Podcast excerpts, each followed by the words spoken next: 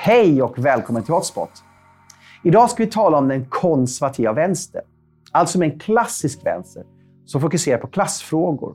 Att skapa de bästa förutsättningarna för arbetare och låginkomsttagare.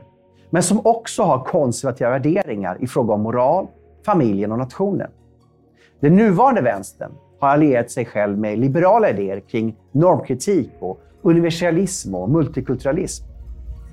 Det som idag vårdar de mer klassiska arbetarfrågorna har övertagits av nationalistiska partier som vunnit de tidiga arbetena. Vi ska idag samtala med tidigare riksdagsman för Socialdemokraterna, Jan Emanuel, om det finns en konservativ vänster som är på gång som kan utmana den nuvarande identitetspolitiska vänstern. Välkommen till ett intressant samtal med Jan Emanuel. Hej och välkommen till Hotspot, Jan Emanuel. Tack så mycket. Du är ju tidigare riksdagsman för Socialdemokraterna och du är entreprenör och eh, ganska känd på sociala medier. Och jag tänkte att vi ska tala om eh, konservativ vänster. Eh, för du har... Du är fortfarande en, räknar dig själv vänsterblocket, men vill föra fram de konservativa perspektiven. Um, och jag vill tänka så att jag är lite nyfiken på det här med konservativ vänster. Och om jag bjuder in någon från etablissemanget så tänker jag att det kanske är svårt för dem att tala klarspråk. De måste ta lite hänsyn och så. Och eh, du är, känns lite grann som en outsider i vänsterblocket, för min del i alla fall. Så jag antar att du kommer kunna tala eh, precis vad du tycker och tänker. Och jag är nyfiken på om det finns en konservativ vänster, eh, om det håller på att växa fram och om det finns en framtid för konservativ vänster. Och du har ju skrivit, du har på skriva en bok också om det. Stämmer det? Ja, jag tillsammans med en kollega som heter Anders Kallat mm. skriver en bok. Just det. Uh, då skulle jag vilja fråga hur du skulle definiera konservativ vänster. Går man tillbaka och, och ser till hur eh, socialdemokratin har växt fram så bär socialdemokratin en stor del konservatism. Ser man till anledningen till framgången, alltså den, den eh, fullständigt unika historiska framgång som socialdemokratin har skördat, men framförallt vad som har växt fram ur socialdemokratin utifrån det folkhemmet som vi faktiskt har haft, så grundar det sig på en stor del konservatism. Och det var så man fick förankring i det stora breda folklagret också? Det var exakt så man fick. Mm. Hade man, likt många andra socialdemokratier eller vänsterregeringar, varit bara fokuserad på arbetarklassen, utan man, hade man inte haft ett bredare tilltal, då hade man heller inte nått den framgången som man har gjort. Utan det har varit just staten och kapitalet i samma båt som har gjort eh, framgången. Men också synen på, mm, alltså en klassisk konservativ syn på kultur och historia också. Eh, vilket man ofta har eh, missat medvetet eller omedvetet. Alltså då familjesyn, förankring med sitt lokala samhälle? Eller hur definierar du den där konservatismen då? Säg, Patriotism eller? Säg så här, att eh, om man skulle göra en, en väldigt enkel, nästintill barnslig beskrivning av mm. vad, vad, konservatism är. Det är att ponera att du är ute och, och vandrar, mm. så finns det en, en stig. Den här stigen, en stig uppkommer ju för att väldigt många människor eller djur har gått på samma ställe. Och Det betyder ju också att du vet vad som du kan förvänta dig under den här tiden som du är ute och går. Men du har ju gått där många gånger, så du vet att den, den, den böjer sig. Du känner ju att den här, du träd överallt, men du känner att det här är en krok, liksom, en, en, en, en böj. Borde det inte vara enklare liksom, att bara gena över det här? Liksom? Bara strunta i det där gamla, tråkiga, utan där, snabbare och enklare. Liksom. Här kör vi. Och gärna så gör vi det ganska snabbt också. Nu bestämmer vi oss, för här inser vi förstås att här det går det revolutionära. Det är en, revolutionär tanke att det kommer att gå mycket snabbare om vi bara vi kutar också. Det är inte bara att vi går och känner oss för, utan vi springer rätt igenom, så då kommer det gå jättefort. Men det man ofta glömmer bort då, i de här revolutionära snabba övergångarna, det är att det finns ju ofta en anledning till att varför man inte har sprungit där. Och de säger att det här har ingen varit förut. Mm, ofta så har det varit ganska många där förut och testat sig fram. Varför de inte kommer tillbaka och berättar hur det gick, det var för att det gick jättedåligt. För det dolde sig både vargar och björnar och massa obehagligheter ute i den där skogen. Och därför så har folk inte kommit tillbaka. Konservatismen, där kan man tycka att det tar lite längre tid. Och det kan vara lite så här, men är inte det väldigt tråkigt? Men socialdemokratin har valt att gå just på den här eh, stigen. Men det man, historiskt sett. Historiskt sett. Mm. Men man har också valt att bredda den. Mm. För att, det ska bli, för att det ska kunna, du ska kunna köra bilen lite, lite snabbare och du ska kunna gå lite snabbare. och Du ska vara ännu tryggare. Man har byggt liksom viltstängsel runt den här eh, gången, eller den här stigen. För att det ska kunna bli bättre för alla. Men man har tagit hänsyn och tagit tillvara på eh, historien. Vi har inte gått några revolutionära vägar. Eh, det är också den, den, konservativa vänstertanken. Att, att du måste kunna ha kvar synen på kulturen. Eh, framförallt ta, er, ta erfarenheten som, och den tryggheten som erfarenheten gör. Det du adderar i vänstern, det är att du också har ett starkt samhälle där du har en, ur ett ekonomiskt perspektiv har en vänstertanke.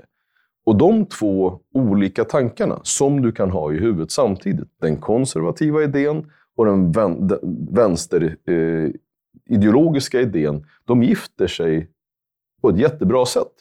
Det finns också såklart liberala inslag som eh, också passar in eh, på den här stigen och som man tar nytta av. Men eh, det är, i, i det stora hela så är det just den konservativa tanken och den ideologiska vänstertanken som gör sig bra och som i grunden är socialdemokrati. Men man av olika anledningar inte velat, eller glömt eller förträngt hur viktigt, viktig den konservativa delen är. Skulle du identifiera dig själv med att vara den konservativa vänstern? Eller? Ja, jag skulle säga att eh, jag är konservativ vänster. Och jag är en del av en intern opposition inom socialdemokratin som man nog kan tycka är lite... Och vill man vara lite taskig kan man nog se mig som lite som en bakåtsträvare. Att som Den håller, gamla socialdemokratin? Som, som håller, ja, en klassisk mm. betongsosse. Ganska, ganska tråkig. Som tycker att man inte ska ha så attans bråttom. Men att man eh, ska se till att bevara den tryggheten som har varit. Och även om du får en, någonting som känns som en jättebra idé. Idén kan vara vacker, den kan vara solidarisk, den kan vara liksom stor. Så kanske man ändå ska så här, hålla in sina hästar och tänka så här. Okej, okay, det här känns bra. Det, här är, det, det, känns bra här och i magen. och liksom så här, Vi hjälper. Ja, men den är god den här tanken. Vi kör. Bara app, app, app. Så håller man tillbaka. För man, tänk, för man måste också komma på komma ihåg att alla olika rörelser, allting du gör politiskt, egentligen vad du än gör som människa, så får det konsekvenser. Inte bara den konsekvensen som du önskar, utan också sidoeffekter. Det är därför också socialdem en av socialdemokratins framgångsfaktorer är den här långsamma malandet. Det är inte för inte som vi tillsätter utredningar som pågår ibland tiotals år. För att den klassiska socialdemokratin, och nu räknar jag in, till, alltså, nu räknar jag in eh, perioden av, eh, av den, det myrdalska arvet. Det var inte att vi såg så här, hur ska vi lyckas få det här till nästa mandatperiod? Inte så här, hur ska det här politiska beslutet falla ut till nästa mandatperiod, eller om två år, eller om i värsta fall sex månader. Alltså den här kvartalspolitiken. Utan vi pratar om vad händer om, om vi gör så här? Hur slår det ut om 30 år? Och hur slår det ut om 40 år? Det är min konservativa socialdemokrati, där man tar ansvar för beslut just i perspektivet 30 och 40 år framåt. Och det kan man tycka att det är hur tråkigt är inte det? Utredningar, du hör du väl hur mossigt och tråkigt det kan vara. Vill du gå tillbaka till de här myrdalarna som satt där och nötte och skrev och tänkte och fixade? Liksom, det tog ju hur lång tid som helst innan det hände någonting. En konsekvensanalytiskt tänkande är hela tiden i bakhuvudet, då menar? Ja, exakt så. Och jag skulle säga att är det någonting som, och nu ska jag inte bara vara kritisk mot mitt eget parti, utan är det någonting som har verkligen färglagt alla partier, någonting som har varit talande för alla partier den senaste kanske ja, 15 åren, så är det den här fullständiga bristen på att analysera utfall längre än sex månader, ett år, två år. Utan att man har tagit beslut så här, pam! För det ligger, man har satt upp fingret, känt efter. Var, var blåser det nu? Liksom? Var är det mysigast att befinna sig precis just nu för tillfället? Och så tar man beslut därefter. Sen när det fallerar på ett sätt som man säger, ja, jag tänkte inte på det. Jag såg den inte komma. Nej, såklart att du inte såg den komma, för du har inte tänkt. Du har inte, du har inte ägnat tanken en tanke. Du har inte följt med den och du har inte gjort en, en, en analys av vad som skulle kunna hända. Vad, du skulle vad... aldrig gjort så om det hade varit ett eget företag. Mm. För då hade ditt företag gått i konkurs. Och Vad beror det här på? Beror det på att liksom det är så små marginaler med mandatfördelning i riksdagen? Att det krävs så lite för att det ska väga över till en eller andra blocket så att man får den här ängsligheten och kastar över bord den här äh, långsiktiga kompassnålen? Eller vad, vad, är det liksom några andra saker? Eller att den gamla sortens sossar har försvunnit till förmån för unga människor som har mycket mer liksom, kortare perspektiv? Eller vad, vad, vad, vad ser du är liksom, orsaken till att vi hamnat där vi hamnat när det gäller ditt parti? Jag tror att det baseras på rädsla. Eh, främst. Att man är så... Man vill så innerligt vara rätt ute politiskt. Man vill bli omtyckt nu, nu, nu. Just, jag, jag vill bli ihågkommen som eh, den här goda politikern som gjorde de här fina insatserna. Lite så, moraliska... Ja, lite grann ja. Som, som det Reinfeldtska arvet. Att om du går tillbaka och tittar på politiker, kanske ja, eller ledare ett par hundra år tillbaka, vad gjorde man då? Jo, då byggde man ju statyer, Visa på att kolla, kom ihåg mig. Politiker har byggt motorvägar, och de har byggt broar.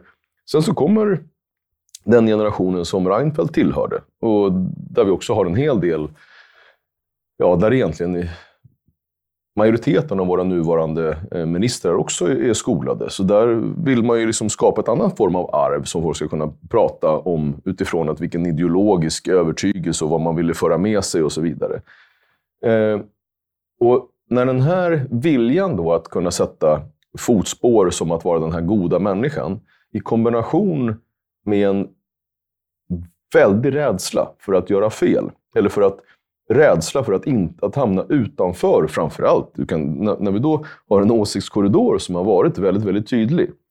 Eh, att vara politiker, att då också ens närma sig det som är tabu att säga eller att tycka, då är det ju rökt.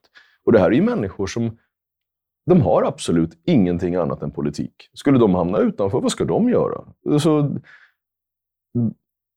I mitt parti skulle jag säga, hittar du någon minister nu, ja någon måste det väl vara, som har haft ett arbete, ett vanligt jobb som de skulle kunna komma tillbaka till. Eller att de på något sätt har en alternativ karriär, så är den det är en väldig minoritet. Tittar du på, på både med de ministrarna som var för föregående och för sossarna, men också för de ministrar som är nu.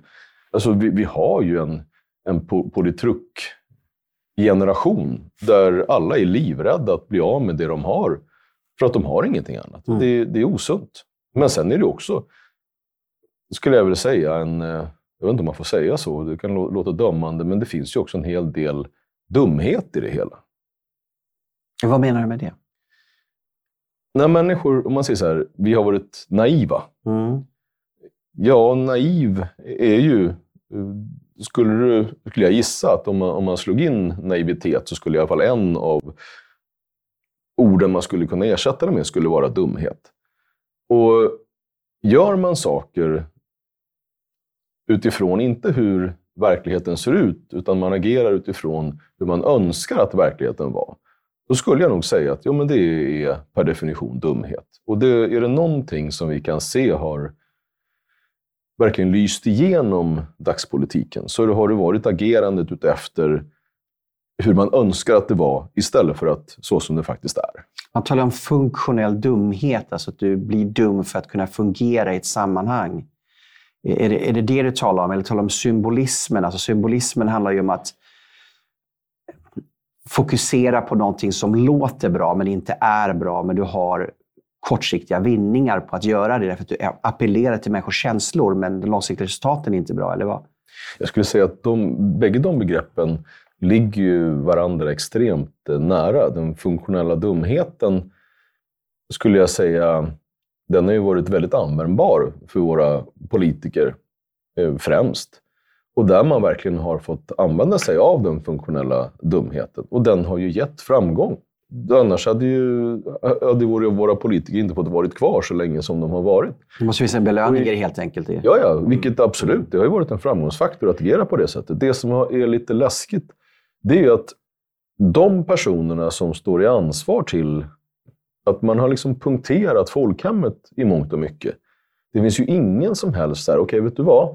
Det är faktiskt ditt, när, det är faktiskt ditt fel att det som du nu klagar på, du är ansvarig för det.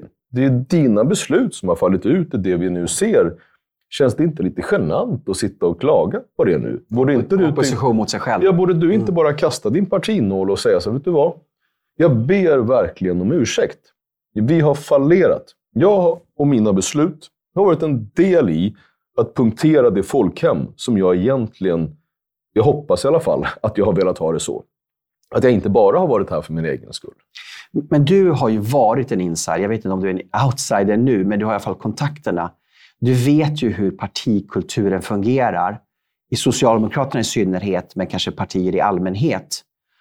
Uh, finns det liksom en, en belöning att vara opportunistisk och en, liksom en, en utkastningsmekanism om du har hög integritet i partierna som liksom skapar den här strömmen som gör att människor blir strömlinjeformade och agerar på den här funktionella dumheten, naivitet som du talar om? Jag tror att det är inte bara utmärkande för mitt parti, utan jag tror att eh, de flesta partierna har en, eh, ett liknande partiväsende där att sticka ut, eh, det kan du ju göra, men då av lojalitet i partiet. Det vill säga den som, som tar mest kulor för partiet, även i frågor du vet är helt knasiga. De belönas förr eller senare på olika sätt. Men att... Eh, och framförallt så är det någonting som, som samhället, eh, politiken, verkligen har visat på. Det är ju att, om, om vi säger så här, ta ett ett, ett samhälle långt tillbaka i tiden, eller odemokratiska samhällen. Vi, vi tar Ryssland som ett exempel nu till exempel. Nu var det ju någon oppositionell som hade, som hade um, haft saker att tycka om, om kriget. Jag tror de dömde honom till 20-30 års fängelse eller så. Mm. Det är ju den fascistoida statens sätt att markera. Vet du vad? Gidra med oss, mm. så här kommer det att gå. Och då kan man tycka, men vi i Sverige, vi, vi är goda. Vi ska aldrig markera på det sättet. Okej. Okay.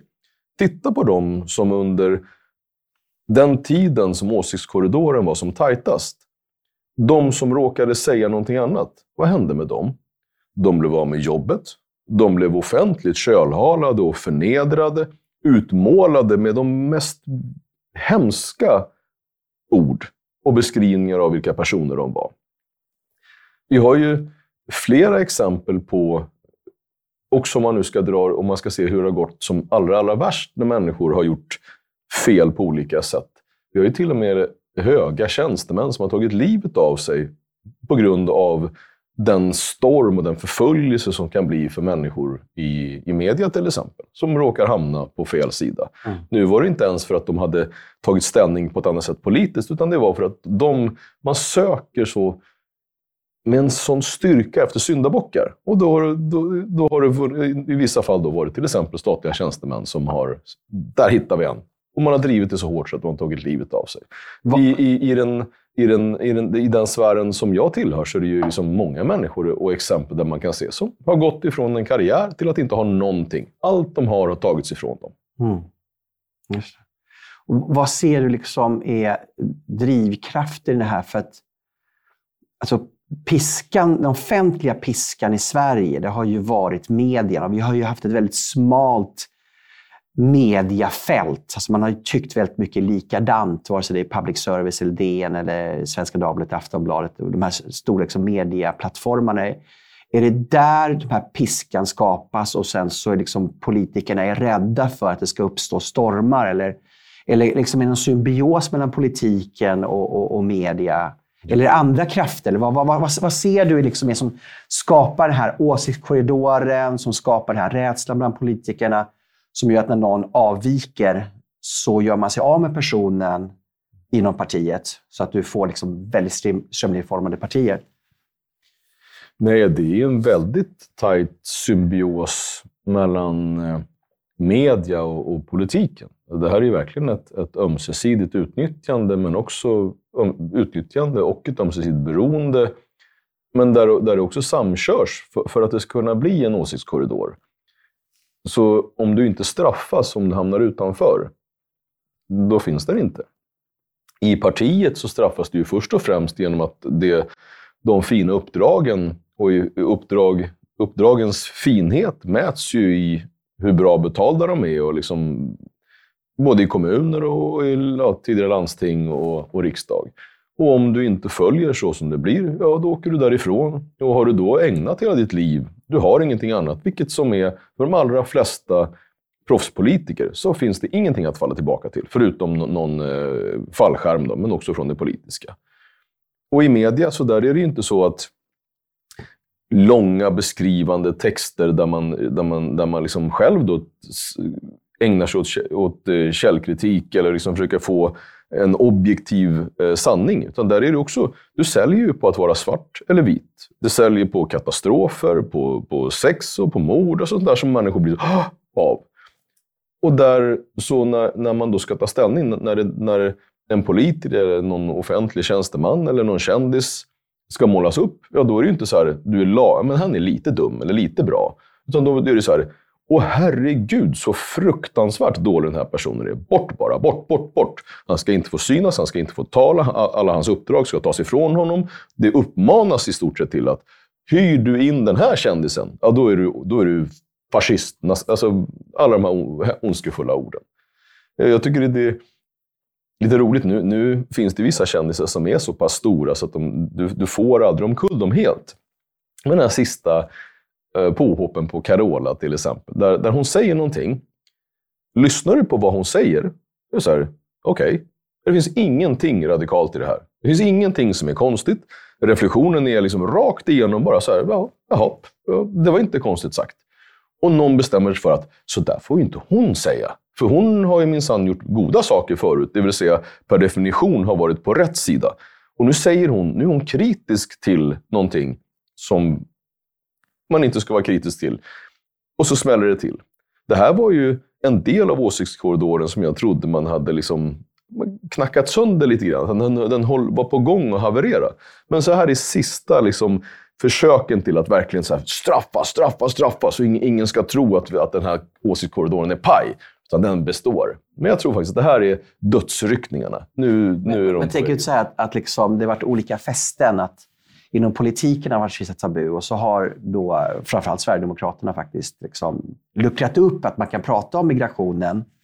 Men kändisvärlden har varit ett annat fäste där liksom ingen har egentligen eh, vikit av från det här gamla narrativet. Och nu när Carola går ut så blir det väldigt upprört liksom, för att det här fästet kanske håller också då på att rasa ihop med det här narrativet, eller? Det är många kändisar som har gått ett fullständigt alltså ett, alltså öde till mötes där de har blivit gått ifrån att ha haft en bra försörjning till absolut ingenting. Just på grund av enstaka politiska uttalanden. Gå tillbaka och titta på den här, eh, den kanske är tydligast, den här Boppers-killen. Ja, som är vanlig svennebanangubbe, liksom, ja. som är iväg och spelar överallt, omtyckt överallt. Och så får han frågan så här, vad, men vad röstar du på då? Han bara, nej men jag röstar på Sverigedemokraterna. Ja. Aj! Det var ju innan man fick göra det. Mm. Allt han hade togs ifrån honom. Alltså så som i allt. De enda spelningar han fick, det var från Sverigedemokraterna. Och så hur tydligt kan det bli? Marcus Birro också ett annat exempel. Ja, ja det är många, många ja. sådana som man, har, som man har sett. De som har haft en, en, en karriär där det har funkat. Och så sa man lite, lite, lite fel. Och i det här fallet, alltså, det, det är ju ändå en demokratisk rättighet att du får faktiskt rösta på vad du vill. Mm. Men ändå inte. Och det är ju, människor ser ju på vad, människor kan ju, kan ju se vad som händer. Och ja, det, med all tydlighet så, så har man under lång tid sett till vad man får säga och inte. Även när det är liksom helt, ja, vad jag kan uppleva, eh, oproblematiska saker att säga. Hur har det varit för dig då? Du, du, har ju, du är en frispråkig person. Eh, hur har du behandlats i Socialdemokratiska partiet? Nej, jag har gjort det ganska enkelt för mig. Jag har ju stått på samma ställe alltid. Jag, jag har sagt, och det kan också tyckas tråkigt, jag har varit kritisk till samma saker, jag har sagt samma saker, jag har stått upp för samma saker.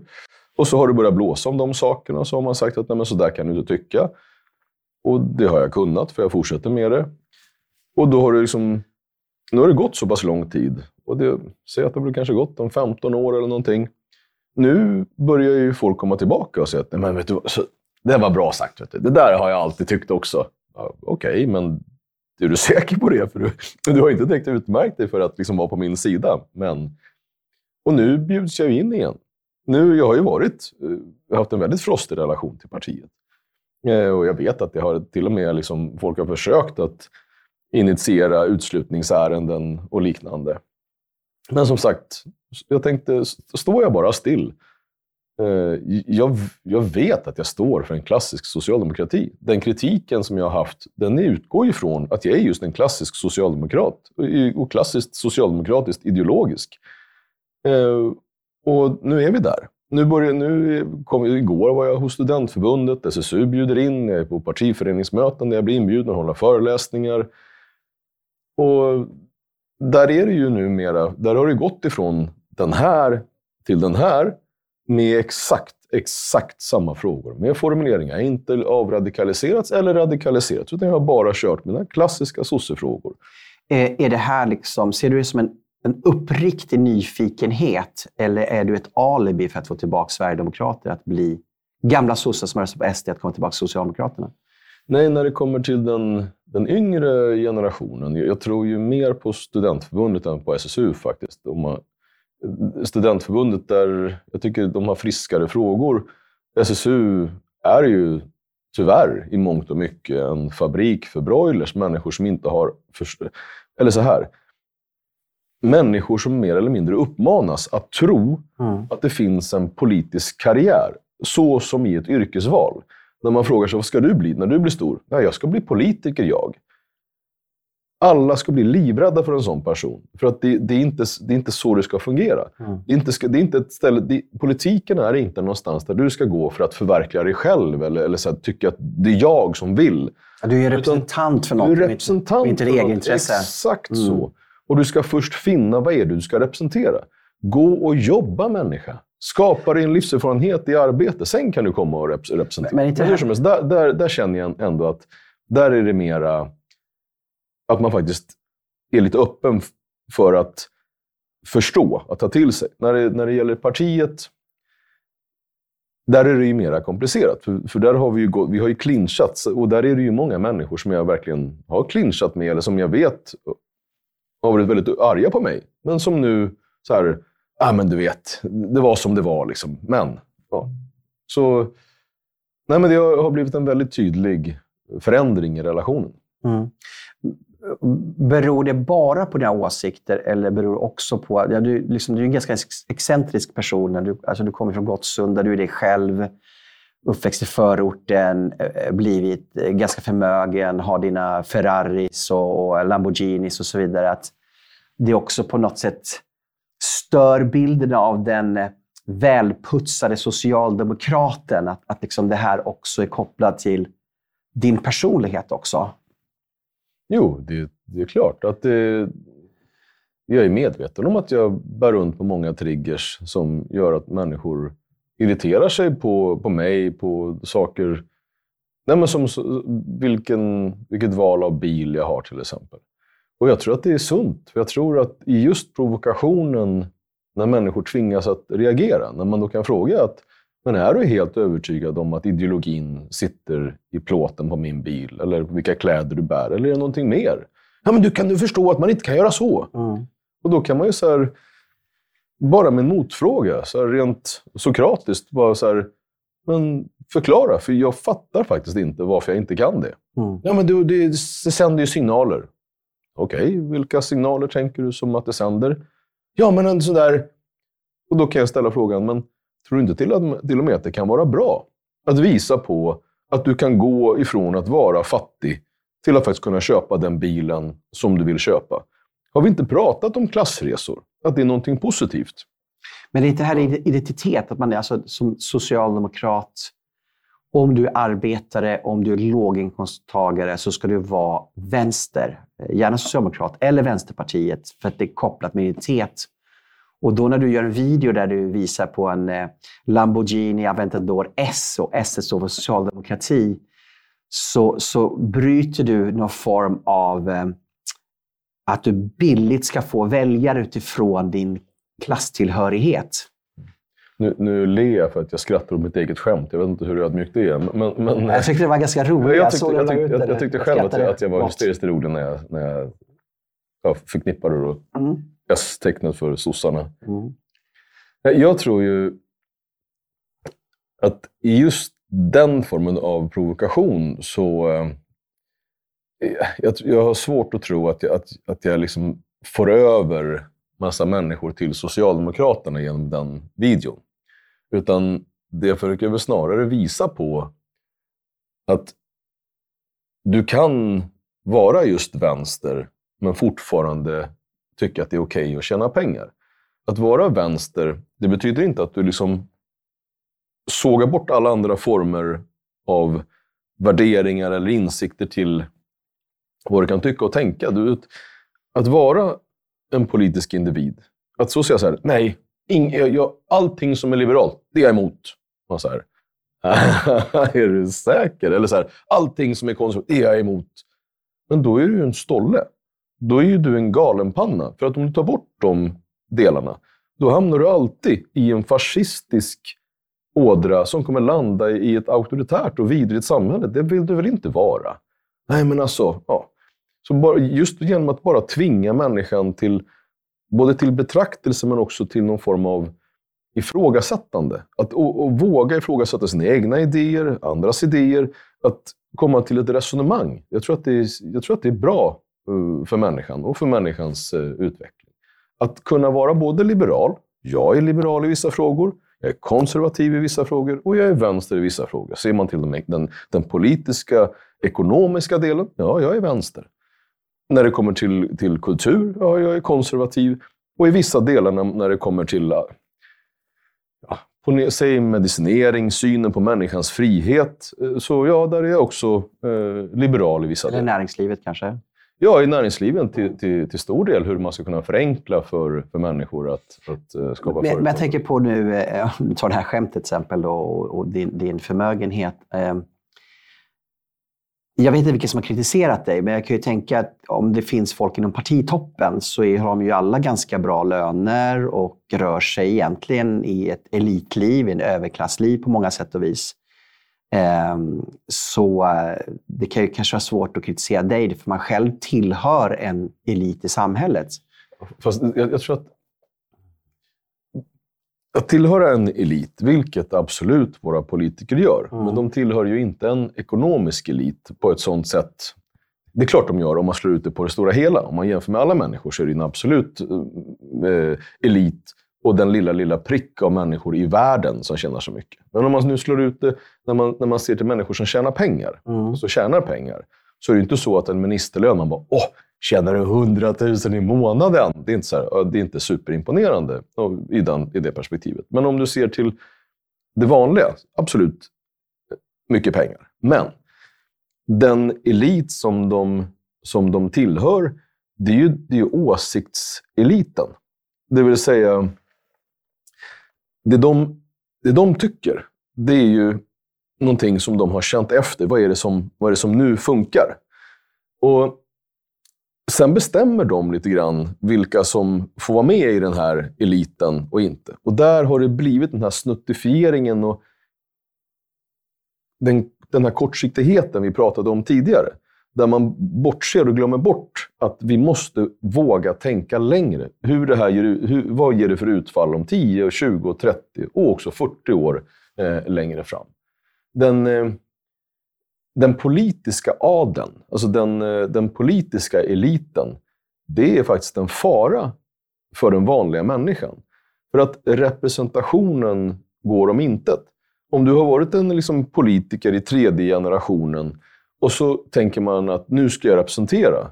Men du har ju inte en aning. Mm. För du, har, du tar inte. Och det, att hitta en politiker som erkänner det, det är nästan omöjligt. Och när man säger så, men vet du, du har ingen aning för du, du är inte där vanliga människor är. Jo då, jag går på ICA. Och så, och, jo, du går på ICA. Men den verkligheten som det ser ut ute i landet, hur det, hur det känns att behöva titta på röda prislappar hela tiden. Att veta att jag kanske inte kommer kunna pröjsa hyran på slutet. Alltså det, konsekvenserna av ert, det politiska handlandet, där, där trygghet har gått till otrygghet. Du har inte en aning. De, för det är därför du kan ta besluten, för att du bor någon helt annanstans. Du bor där, du, du själv påverkas inte av dina egna beslut. Och det är den eliten polit, politikerna tillhör. Och det fanns ju en person eh, som pekade ut det här och det var ju Håkan Juholt när han talade om klägget. Det är väl det här han menade, den, den här eh, gruppen människor som umgås med varandra, är privilegierade i den bemärkelsen att både att man kanske har relativt bra lön, men också rör sig kanske över hela världen. Man går från politiken till andra former av statliga myndigheter, organisationer internationellt. Ja, eller du går till någon PR-byrå ja. med den enda kompetensen du har. Det är att du har kliat ryggen på andra politiker mm. så att du kan ta, nu ta betalt av en organisation eller ett företag för att sen gå tillbaka till dina ryggkliande kompisar och säga har, har du lust att lyssna på min chef ett tag? Mm. Så, ja, det kan du väl göra.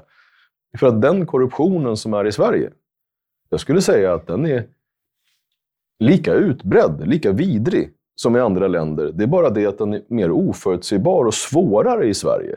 Jag kom precis hemifrån, jag var i, eh, i Serbien. Och där är det ju korrupt. Alltså du vet precis hur du ska ta dig fram. Om du kör för fort, eller om det är en kö, eller om du ska in till sjukhuset. Så finns det, du vet vem du ska ge pengar. Liksom. Ganska enkelt. Och så kommer du till Sverige och det är lika korrupt men på ett mycket nästan snuskigare sätt. För att det är den här långsiktiga ryggklieriet med de här relationerna, gamla insuttna basturelationerna bland maktens människor, som då tilldelar makt utefter relationer. Men tilldelar så, tjänster. Tjänster och relationer och, och, och, så vidare. Men det går liksom inte att så här, i länderna där du säger, jag såg att du gav honom en tusenlapp. Illa, du åker.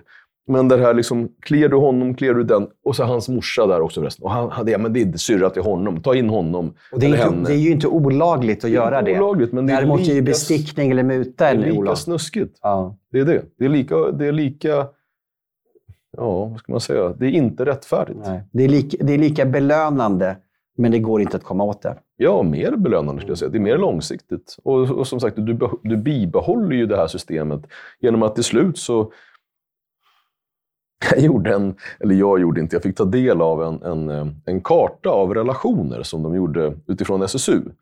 Och så, gjorde de, så här, drog streck mellan vilka som hade varit tillsammans och vilka som sen skaffade barn och var barnen tog vägen.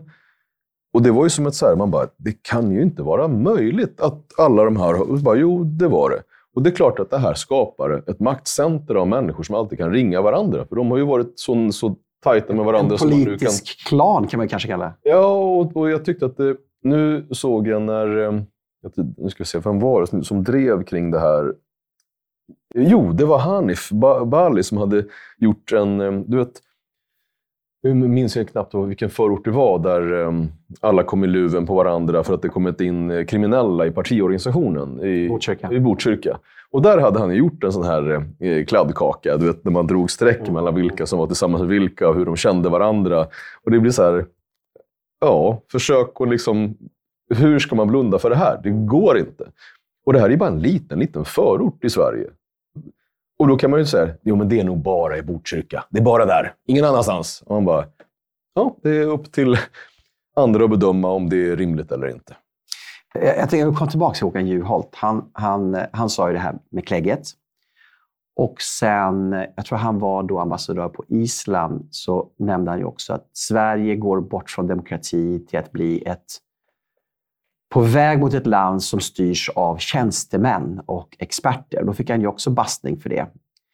Eh, vad har liksom blivit konsekvenserna? Känner du, jag vet inte om du känner Håkan, vad har blivit konsekvenserna att han varit den här, som många upplever, en sanningssägare som faktiskt vågar gå emot den här cementeringen av, av klägget? Det är jätteroligt att du säger så här. För om man följer historien kring Håkan. Mm. Om du går tillbaka precis när han eh, blev avsatt som partiledare. Jag tror man kunde räkna på sin ena hands fingrar vilka som sa “jag är vän med Håkan”. Jag står upp för Håkan. Jag är fortfarande hans vän och jag tycker inte att han gjort speciellt mycket fel. Håkan, Håkan är, han har varit tydlig ideologiskt. Han har varit tydlig med vad han är duktig på och inte duktig på. Eh, han om någon vet hur det känns. Alltså, när han fick en kniv i ryggen, då var det som att, det var en vanlig dag på jobbet. Man märker knappt av det, för det var det enda han fick. Kniv på kniv på kniv. Men han, han har alltid sagt ungefär samma saker. Om man ska få skryta, vilket man får göra ibland. Jag var den första som gick ut och sa att jag tycker att det här var alltså tio år innan ja, ganska exakt tio år innan Håkan Juholt blev nominerad som partiledare, så gick jag ut på ett partimöte och sa att jag tycker att Håkan Juholt är en framtida partiledare. Honom ska vi liksom ha med och försöka driva hans namn. Jag var en av dem som gick och lämnade blommor. Eh, jag gick till 68, precis när han avsatts, när alla bara skrek och faktiskt hatade på Håkan. Ingen ville ta honom med tång. Så var jag där och gav honom blommor och gav honom mitt support. Eh, Håkan har fortsatt att säga samma saker. Nu sitter vi här, ganska många år efteråt, och du säger väldigt mycket fina saker om Håkan. Och det, du är inte ensam om det. Utan nu börjar han komma liksom tillbaka Man säger, men Håkan, han sa ju ändå det här. Och, ja, men han var en ideolog och han, fan, han, var ju, han var ju kulturell. Han kunde ju någonting och tyckte någonting. Ja, men Håkan, Håkan, Håkan han var bra. Jag tror inte Håkan själv skulle känna igen sig i den beskrivningen om man går tillbaka när, när det blåste som mest. När han, när han låg och grät under sin säng på grund av att alla bara förnekade honom. Alltså nästan som man kan göra liknelser med andra människor som har blivit helt förnekade av alla i någon tuppensgal. Men eh, det är tidens tecken på att står du still, mm. fortsätter du stå för det du faktiskt tycker, så kommer du till slut hamna rätt igen. Ser du som en klocka nästan då? Att visan kommer tillbaks till samma punkt efter ett tag? Och att det gäller liksom de här åsikterna också. Att man har varit väldigt långt från sanningssägande, konservatism som du talar om. Eh, men till slut så liksom kommer klockan, visar den tillbaka till de här punkterna. Jag skulle säga att det är ett oomkullrunkligt faktum att det är precis så. Mm. Att det, är det någonting som går runt, alltså allt ifrån konjunkturer till mode till också politiskt mode, mm. så är det cirkul... Alltså det, det kommer tillbaka. Mm. Och jag tror och jag hoppas att vi är tillbaka, att vi är på väg tillbaka till någon form av sundhet. Eh, politisk sundhet. Där, eller rimlighet är mycket bättre ord. Jag älskar rimlighet. Mm. Att just bara ställa sig den frågan. Allt ifrån migrationspolitiskt till ekonomiskt till vad det nu må hända vara. Och bara säga, okej, okay, ta migrationen. Om vi tar in så här mycket folk, är det rimligt att göra det? Är det rimligt för de konsekvenserna som det får för andra? Om vi får den här formen av ekonomisk politik, är det rimligt?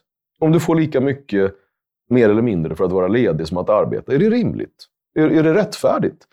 Rimligheten, jag skulle säga att det är min överideologi. Det är, det är det som, den frågan du måste alltid ha med dig. Rimlighetens politik. Och jag skulle säga att vad är socialdemokrati?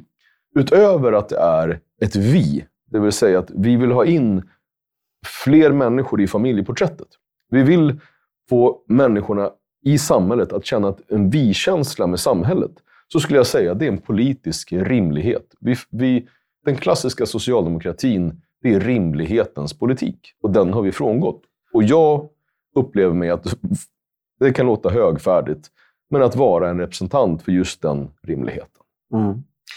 Eh, vart gick det snett då? Och vad är den socialdemokrati som är idag, som man har liksom så kraftigt gift sig med identitetspolitiken, nästan en woke sosse woke-sossism idag.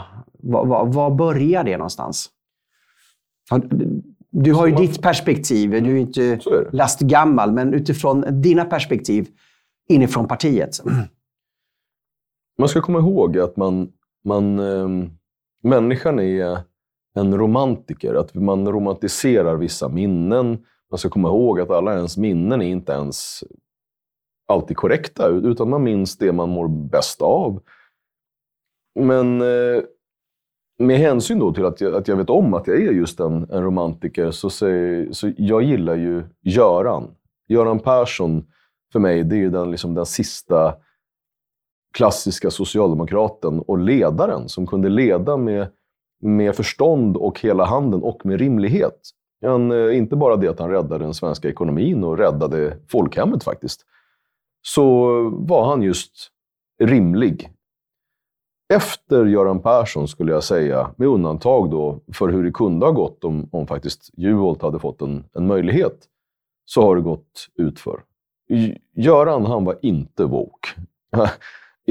Men eh, sen så har det tagit en eh, väg av förskräckelse. Vilka var som stod för, då för den här linjen som vi ser idag? Wokeness, identitetspolitik. Med det emotionella, den emotionella politiken. Alltså, med, med all tydlighet, och, och, nu vill jag understryka att den jag pratar om tycker jag om som individ. Det är en vän till mig. Men eh, vi är ju också tydliga med att vi står på olika sidor av politiken. Och jag och Mona Salin, vi har alltid tyckt om varandra som individer, men vi har också alltid stått på helt olika sidor. Jag skulle vilja säga att hon var det tydligaste tecknet, eller den tydligaste representanten för eh, identitetspolitiken. När man gick ifrån glömde bort eh, klassperspektivet. Nu ska jag inte säga att Mona glömde klassperspektivet, men vi var väldigt aktiva i att söka nya minoriteter, eh, nya väljare att representera. Och då klev vi in i eh, identitetspolitiken. Mm. Kanske till och med innan begreppet fanns. Mm. Nya förtryckta grupper då som man skulle... Då... När, vi, när, vi, när vi såg... Eh, vi letade med ljus och lykta och sen så blev det då eh, minoriteter. Etniska minoriteter, sexuella minoriteter primärt. Och sen har det också adderats då med andra. Mm, just um, vad har samarbetet med Miljöpartiet inneburit för Socialdemokraterna? För att man har ju använt och det här är ju politiken, man använder varandra. Man har ju använt Miljöpartiet för att kunna fortsätta regera. Men sånt där går ju två vägar. Det är, som inte en, en, det är inte en eh, enkelriktad väg. Hur har Miljöpartiet påverkat Socialdemokraterna? Vi har ju sett hur de har blivit kärnkraftsmotståndare exempelvis. Eh, Socialdemokraterna klassiskt sett har ju varit ett parti som velat gynna industrin. Därför att mångas väljare har ju varit industriarbetare, man har varit tillväxtvänlig. Ehm, um, vad, vad, vad, ser du att de har ehm, förändrat tankesättet i socialdemokratin under de två mandatperioder de regerar tillsammans? Ja, Miljöpartiet har väl för socialdemokratin varit vad Sodom och Gomorra är för rättfärdigheten. Det var tuffa ord. Eh, alltså, Miljöpartiet har... Om jag, om jag verkligen försöker, om jag verkligen anstränger mig för att se någonting positivt av samarbetet mellan Miljöpartiet och mitt parti, så är jag i ärlighetens namn... Så det enda jag kan, kan se det är att de till en början... Till en början så var ju Miljöpartiet ett miljöparti. Där man faktiskt engagerade sig och det var de frågorna. Men det var ju långt innan vi blev, eh, de blev ett samarbetsparti. När de blev ett samarbetsparti, då var de bara ett extremistiskt migrationsparti. Med, alltså hela dagordningen var stollig. Eh, alltså, det, det, kompakt galenskap skulle jag säga. Nu är jag överdriven. Nu blir jag nästan emotionell. För, jag, för Det kan ju också vara, det ska man veta, det kan ju vara att jag gör vad jag kan för att liksom skjuta över skulden, att projicera på, på, på Miljöpartiet för att skydda mitt eget parti. Men det är ju väldigt tydligt. När gick det på riktigt åt pipan för partiet? När blev det väldigt, väldigt tydligt? Ja, det är i samarbetet med Miljöpartiet. Det är det sämsta, det absolut sämsta beslutet politiskt vi någonsin har tagit inom socialdemokratin. Mm. Och sen då kombinera det med ett där vi börjar lyssna in Centern. Alltså Centern, Miljöpartiet i kombination och sen ett maktlystet, en maktlysten socialdemokrati på det, som sålde ut nästintill sin egen mamma för att få vara kvar vid makten. Ja, I det här fallet sålde man ut folket. Det är en skam som vi verkligen bör be om ursäkt för, för att komma vidare. När vi gör vår valanalys så måste vi ha förmågan att be om ursäkt för de besluten som har missgynnat den vanliga människan. Och det är vi jättedåliga på. Jag tror att det är dit vi måste komma för att kunna ta ett nytt andetag. Det är sunt för oss att vara i opposition. Men för att, vi, för att vi ska kunna komma tillbaka till makten och förtjäna den, så måste vi också verkligen erkänna och be om ursäkt för det som har grävt ur folkhemmet. Jag hade ju Vidar Andersson här förut. Vi talade om socialdemokratin då. Och då sa han att socialdemokrater ber inte om ursäkt.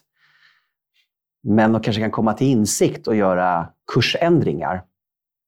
Vidar är en mycket, mycket sund och klok person. Han om någon skulle partiet ta in när vi gör en reell, en verklig valanalys. Mm. Då skulle jag säga. Mm.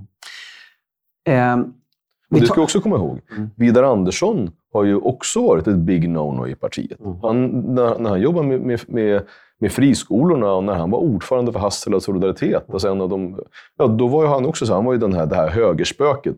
Men nu kommer man återigen, nu är det fler och fler som säger, ja just det, ja men Vidar. Vidar är klok. Det kanske sker en omsvängning. Ja, och då kan man säga att, men vet du vad? Det är inte Vidar som har blivit klok. Utan Vidar han har varit klok hela vägen. Han har också varit en av dem som har sagt ungefär samma sak. Men som nu, så här, ja, nu blir han accepterad. Igen. Eh, eh, politik kan ju aldrig ta ett helhetsgrepp på ett samhälle. Den kan ju anspråk på att göra det. Eh, men ett samhälle byggs ju av så mycket mer än politik. För att vårt liv är ju inte politik. Och vad, om vi nu ser till Sverige och konservatism, alltså en del av konservatismen är ju då naturligt, det är ju liksom familjen är i centrum. Eh, bygden är i centrum, men också är ju, är ju liksom tron och religionen i centrum. Vad har det kristna arvet betytt för att bygga den grundmoralen i det svenska samhället? Där man hittar en balans mellan skyldigheter och rättigheter? Mm. Skyldigheter och rättigheter är ett jätteintressant spörsmål, för man går ofta vilse där. Mm. Inom partiet eller inom arbetarrörelsen så har man ofta pratat om att från var och en efter förmåga. Och då är det lätt att tolka det uttrycket som om det vore någonting lite så här, ja men går man förbi en tiggare så, jo men jag har ju lite extra pengar så jag kastar det till tiggaren. Men så är inte. Alltså så är inte. Utan så som det är, det här är en, det här är en tvingande skrivning. Det här är ingenting som man gör som man vill med. Utan det är grunden för hela vi-känslan i samhället, är att du är med och bidrar. Bidrar till det.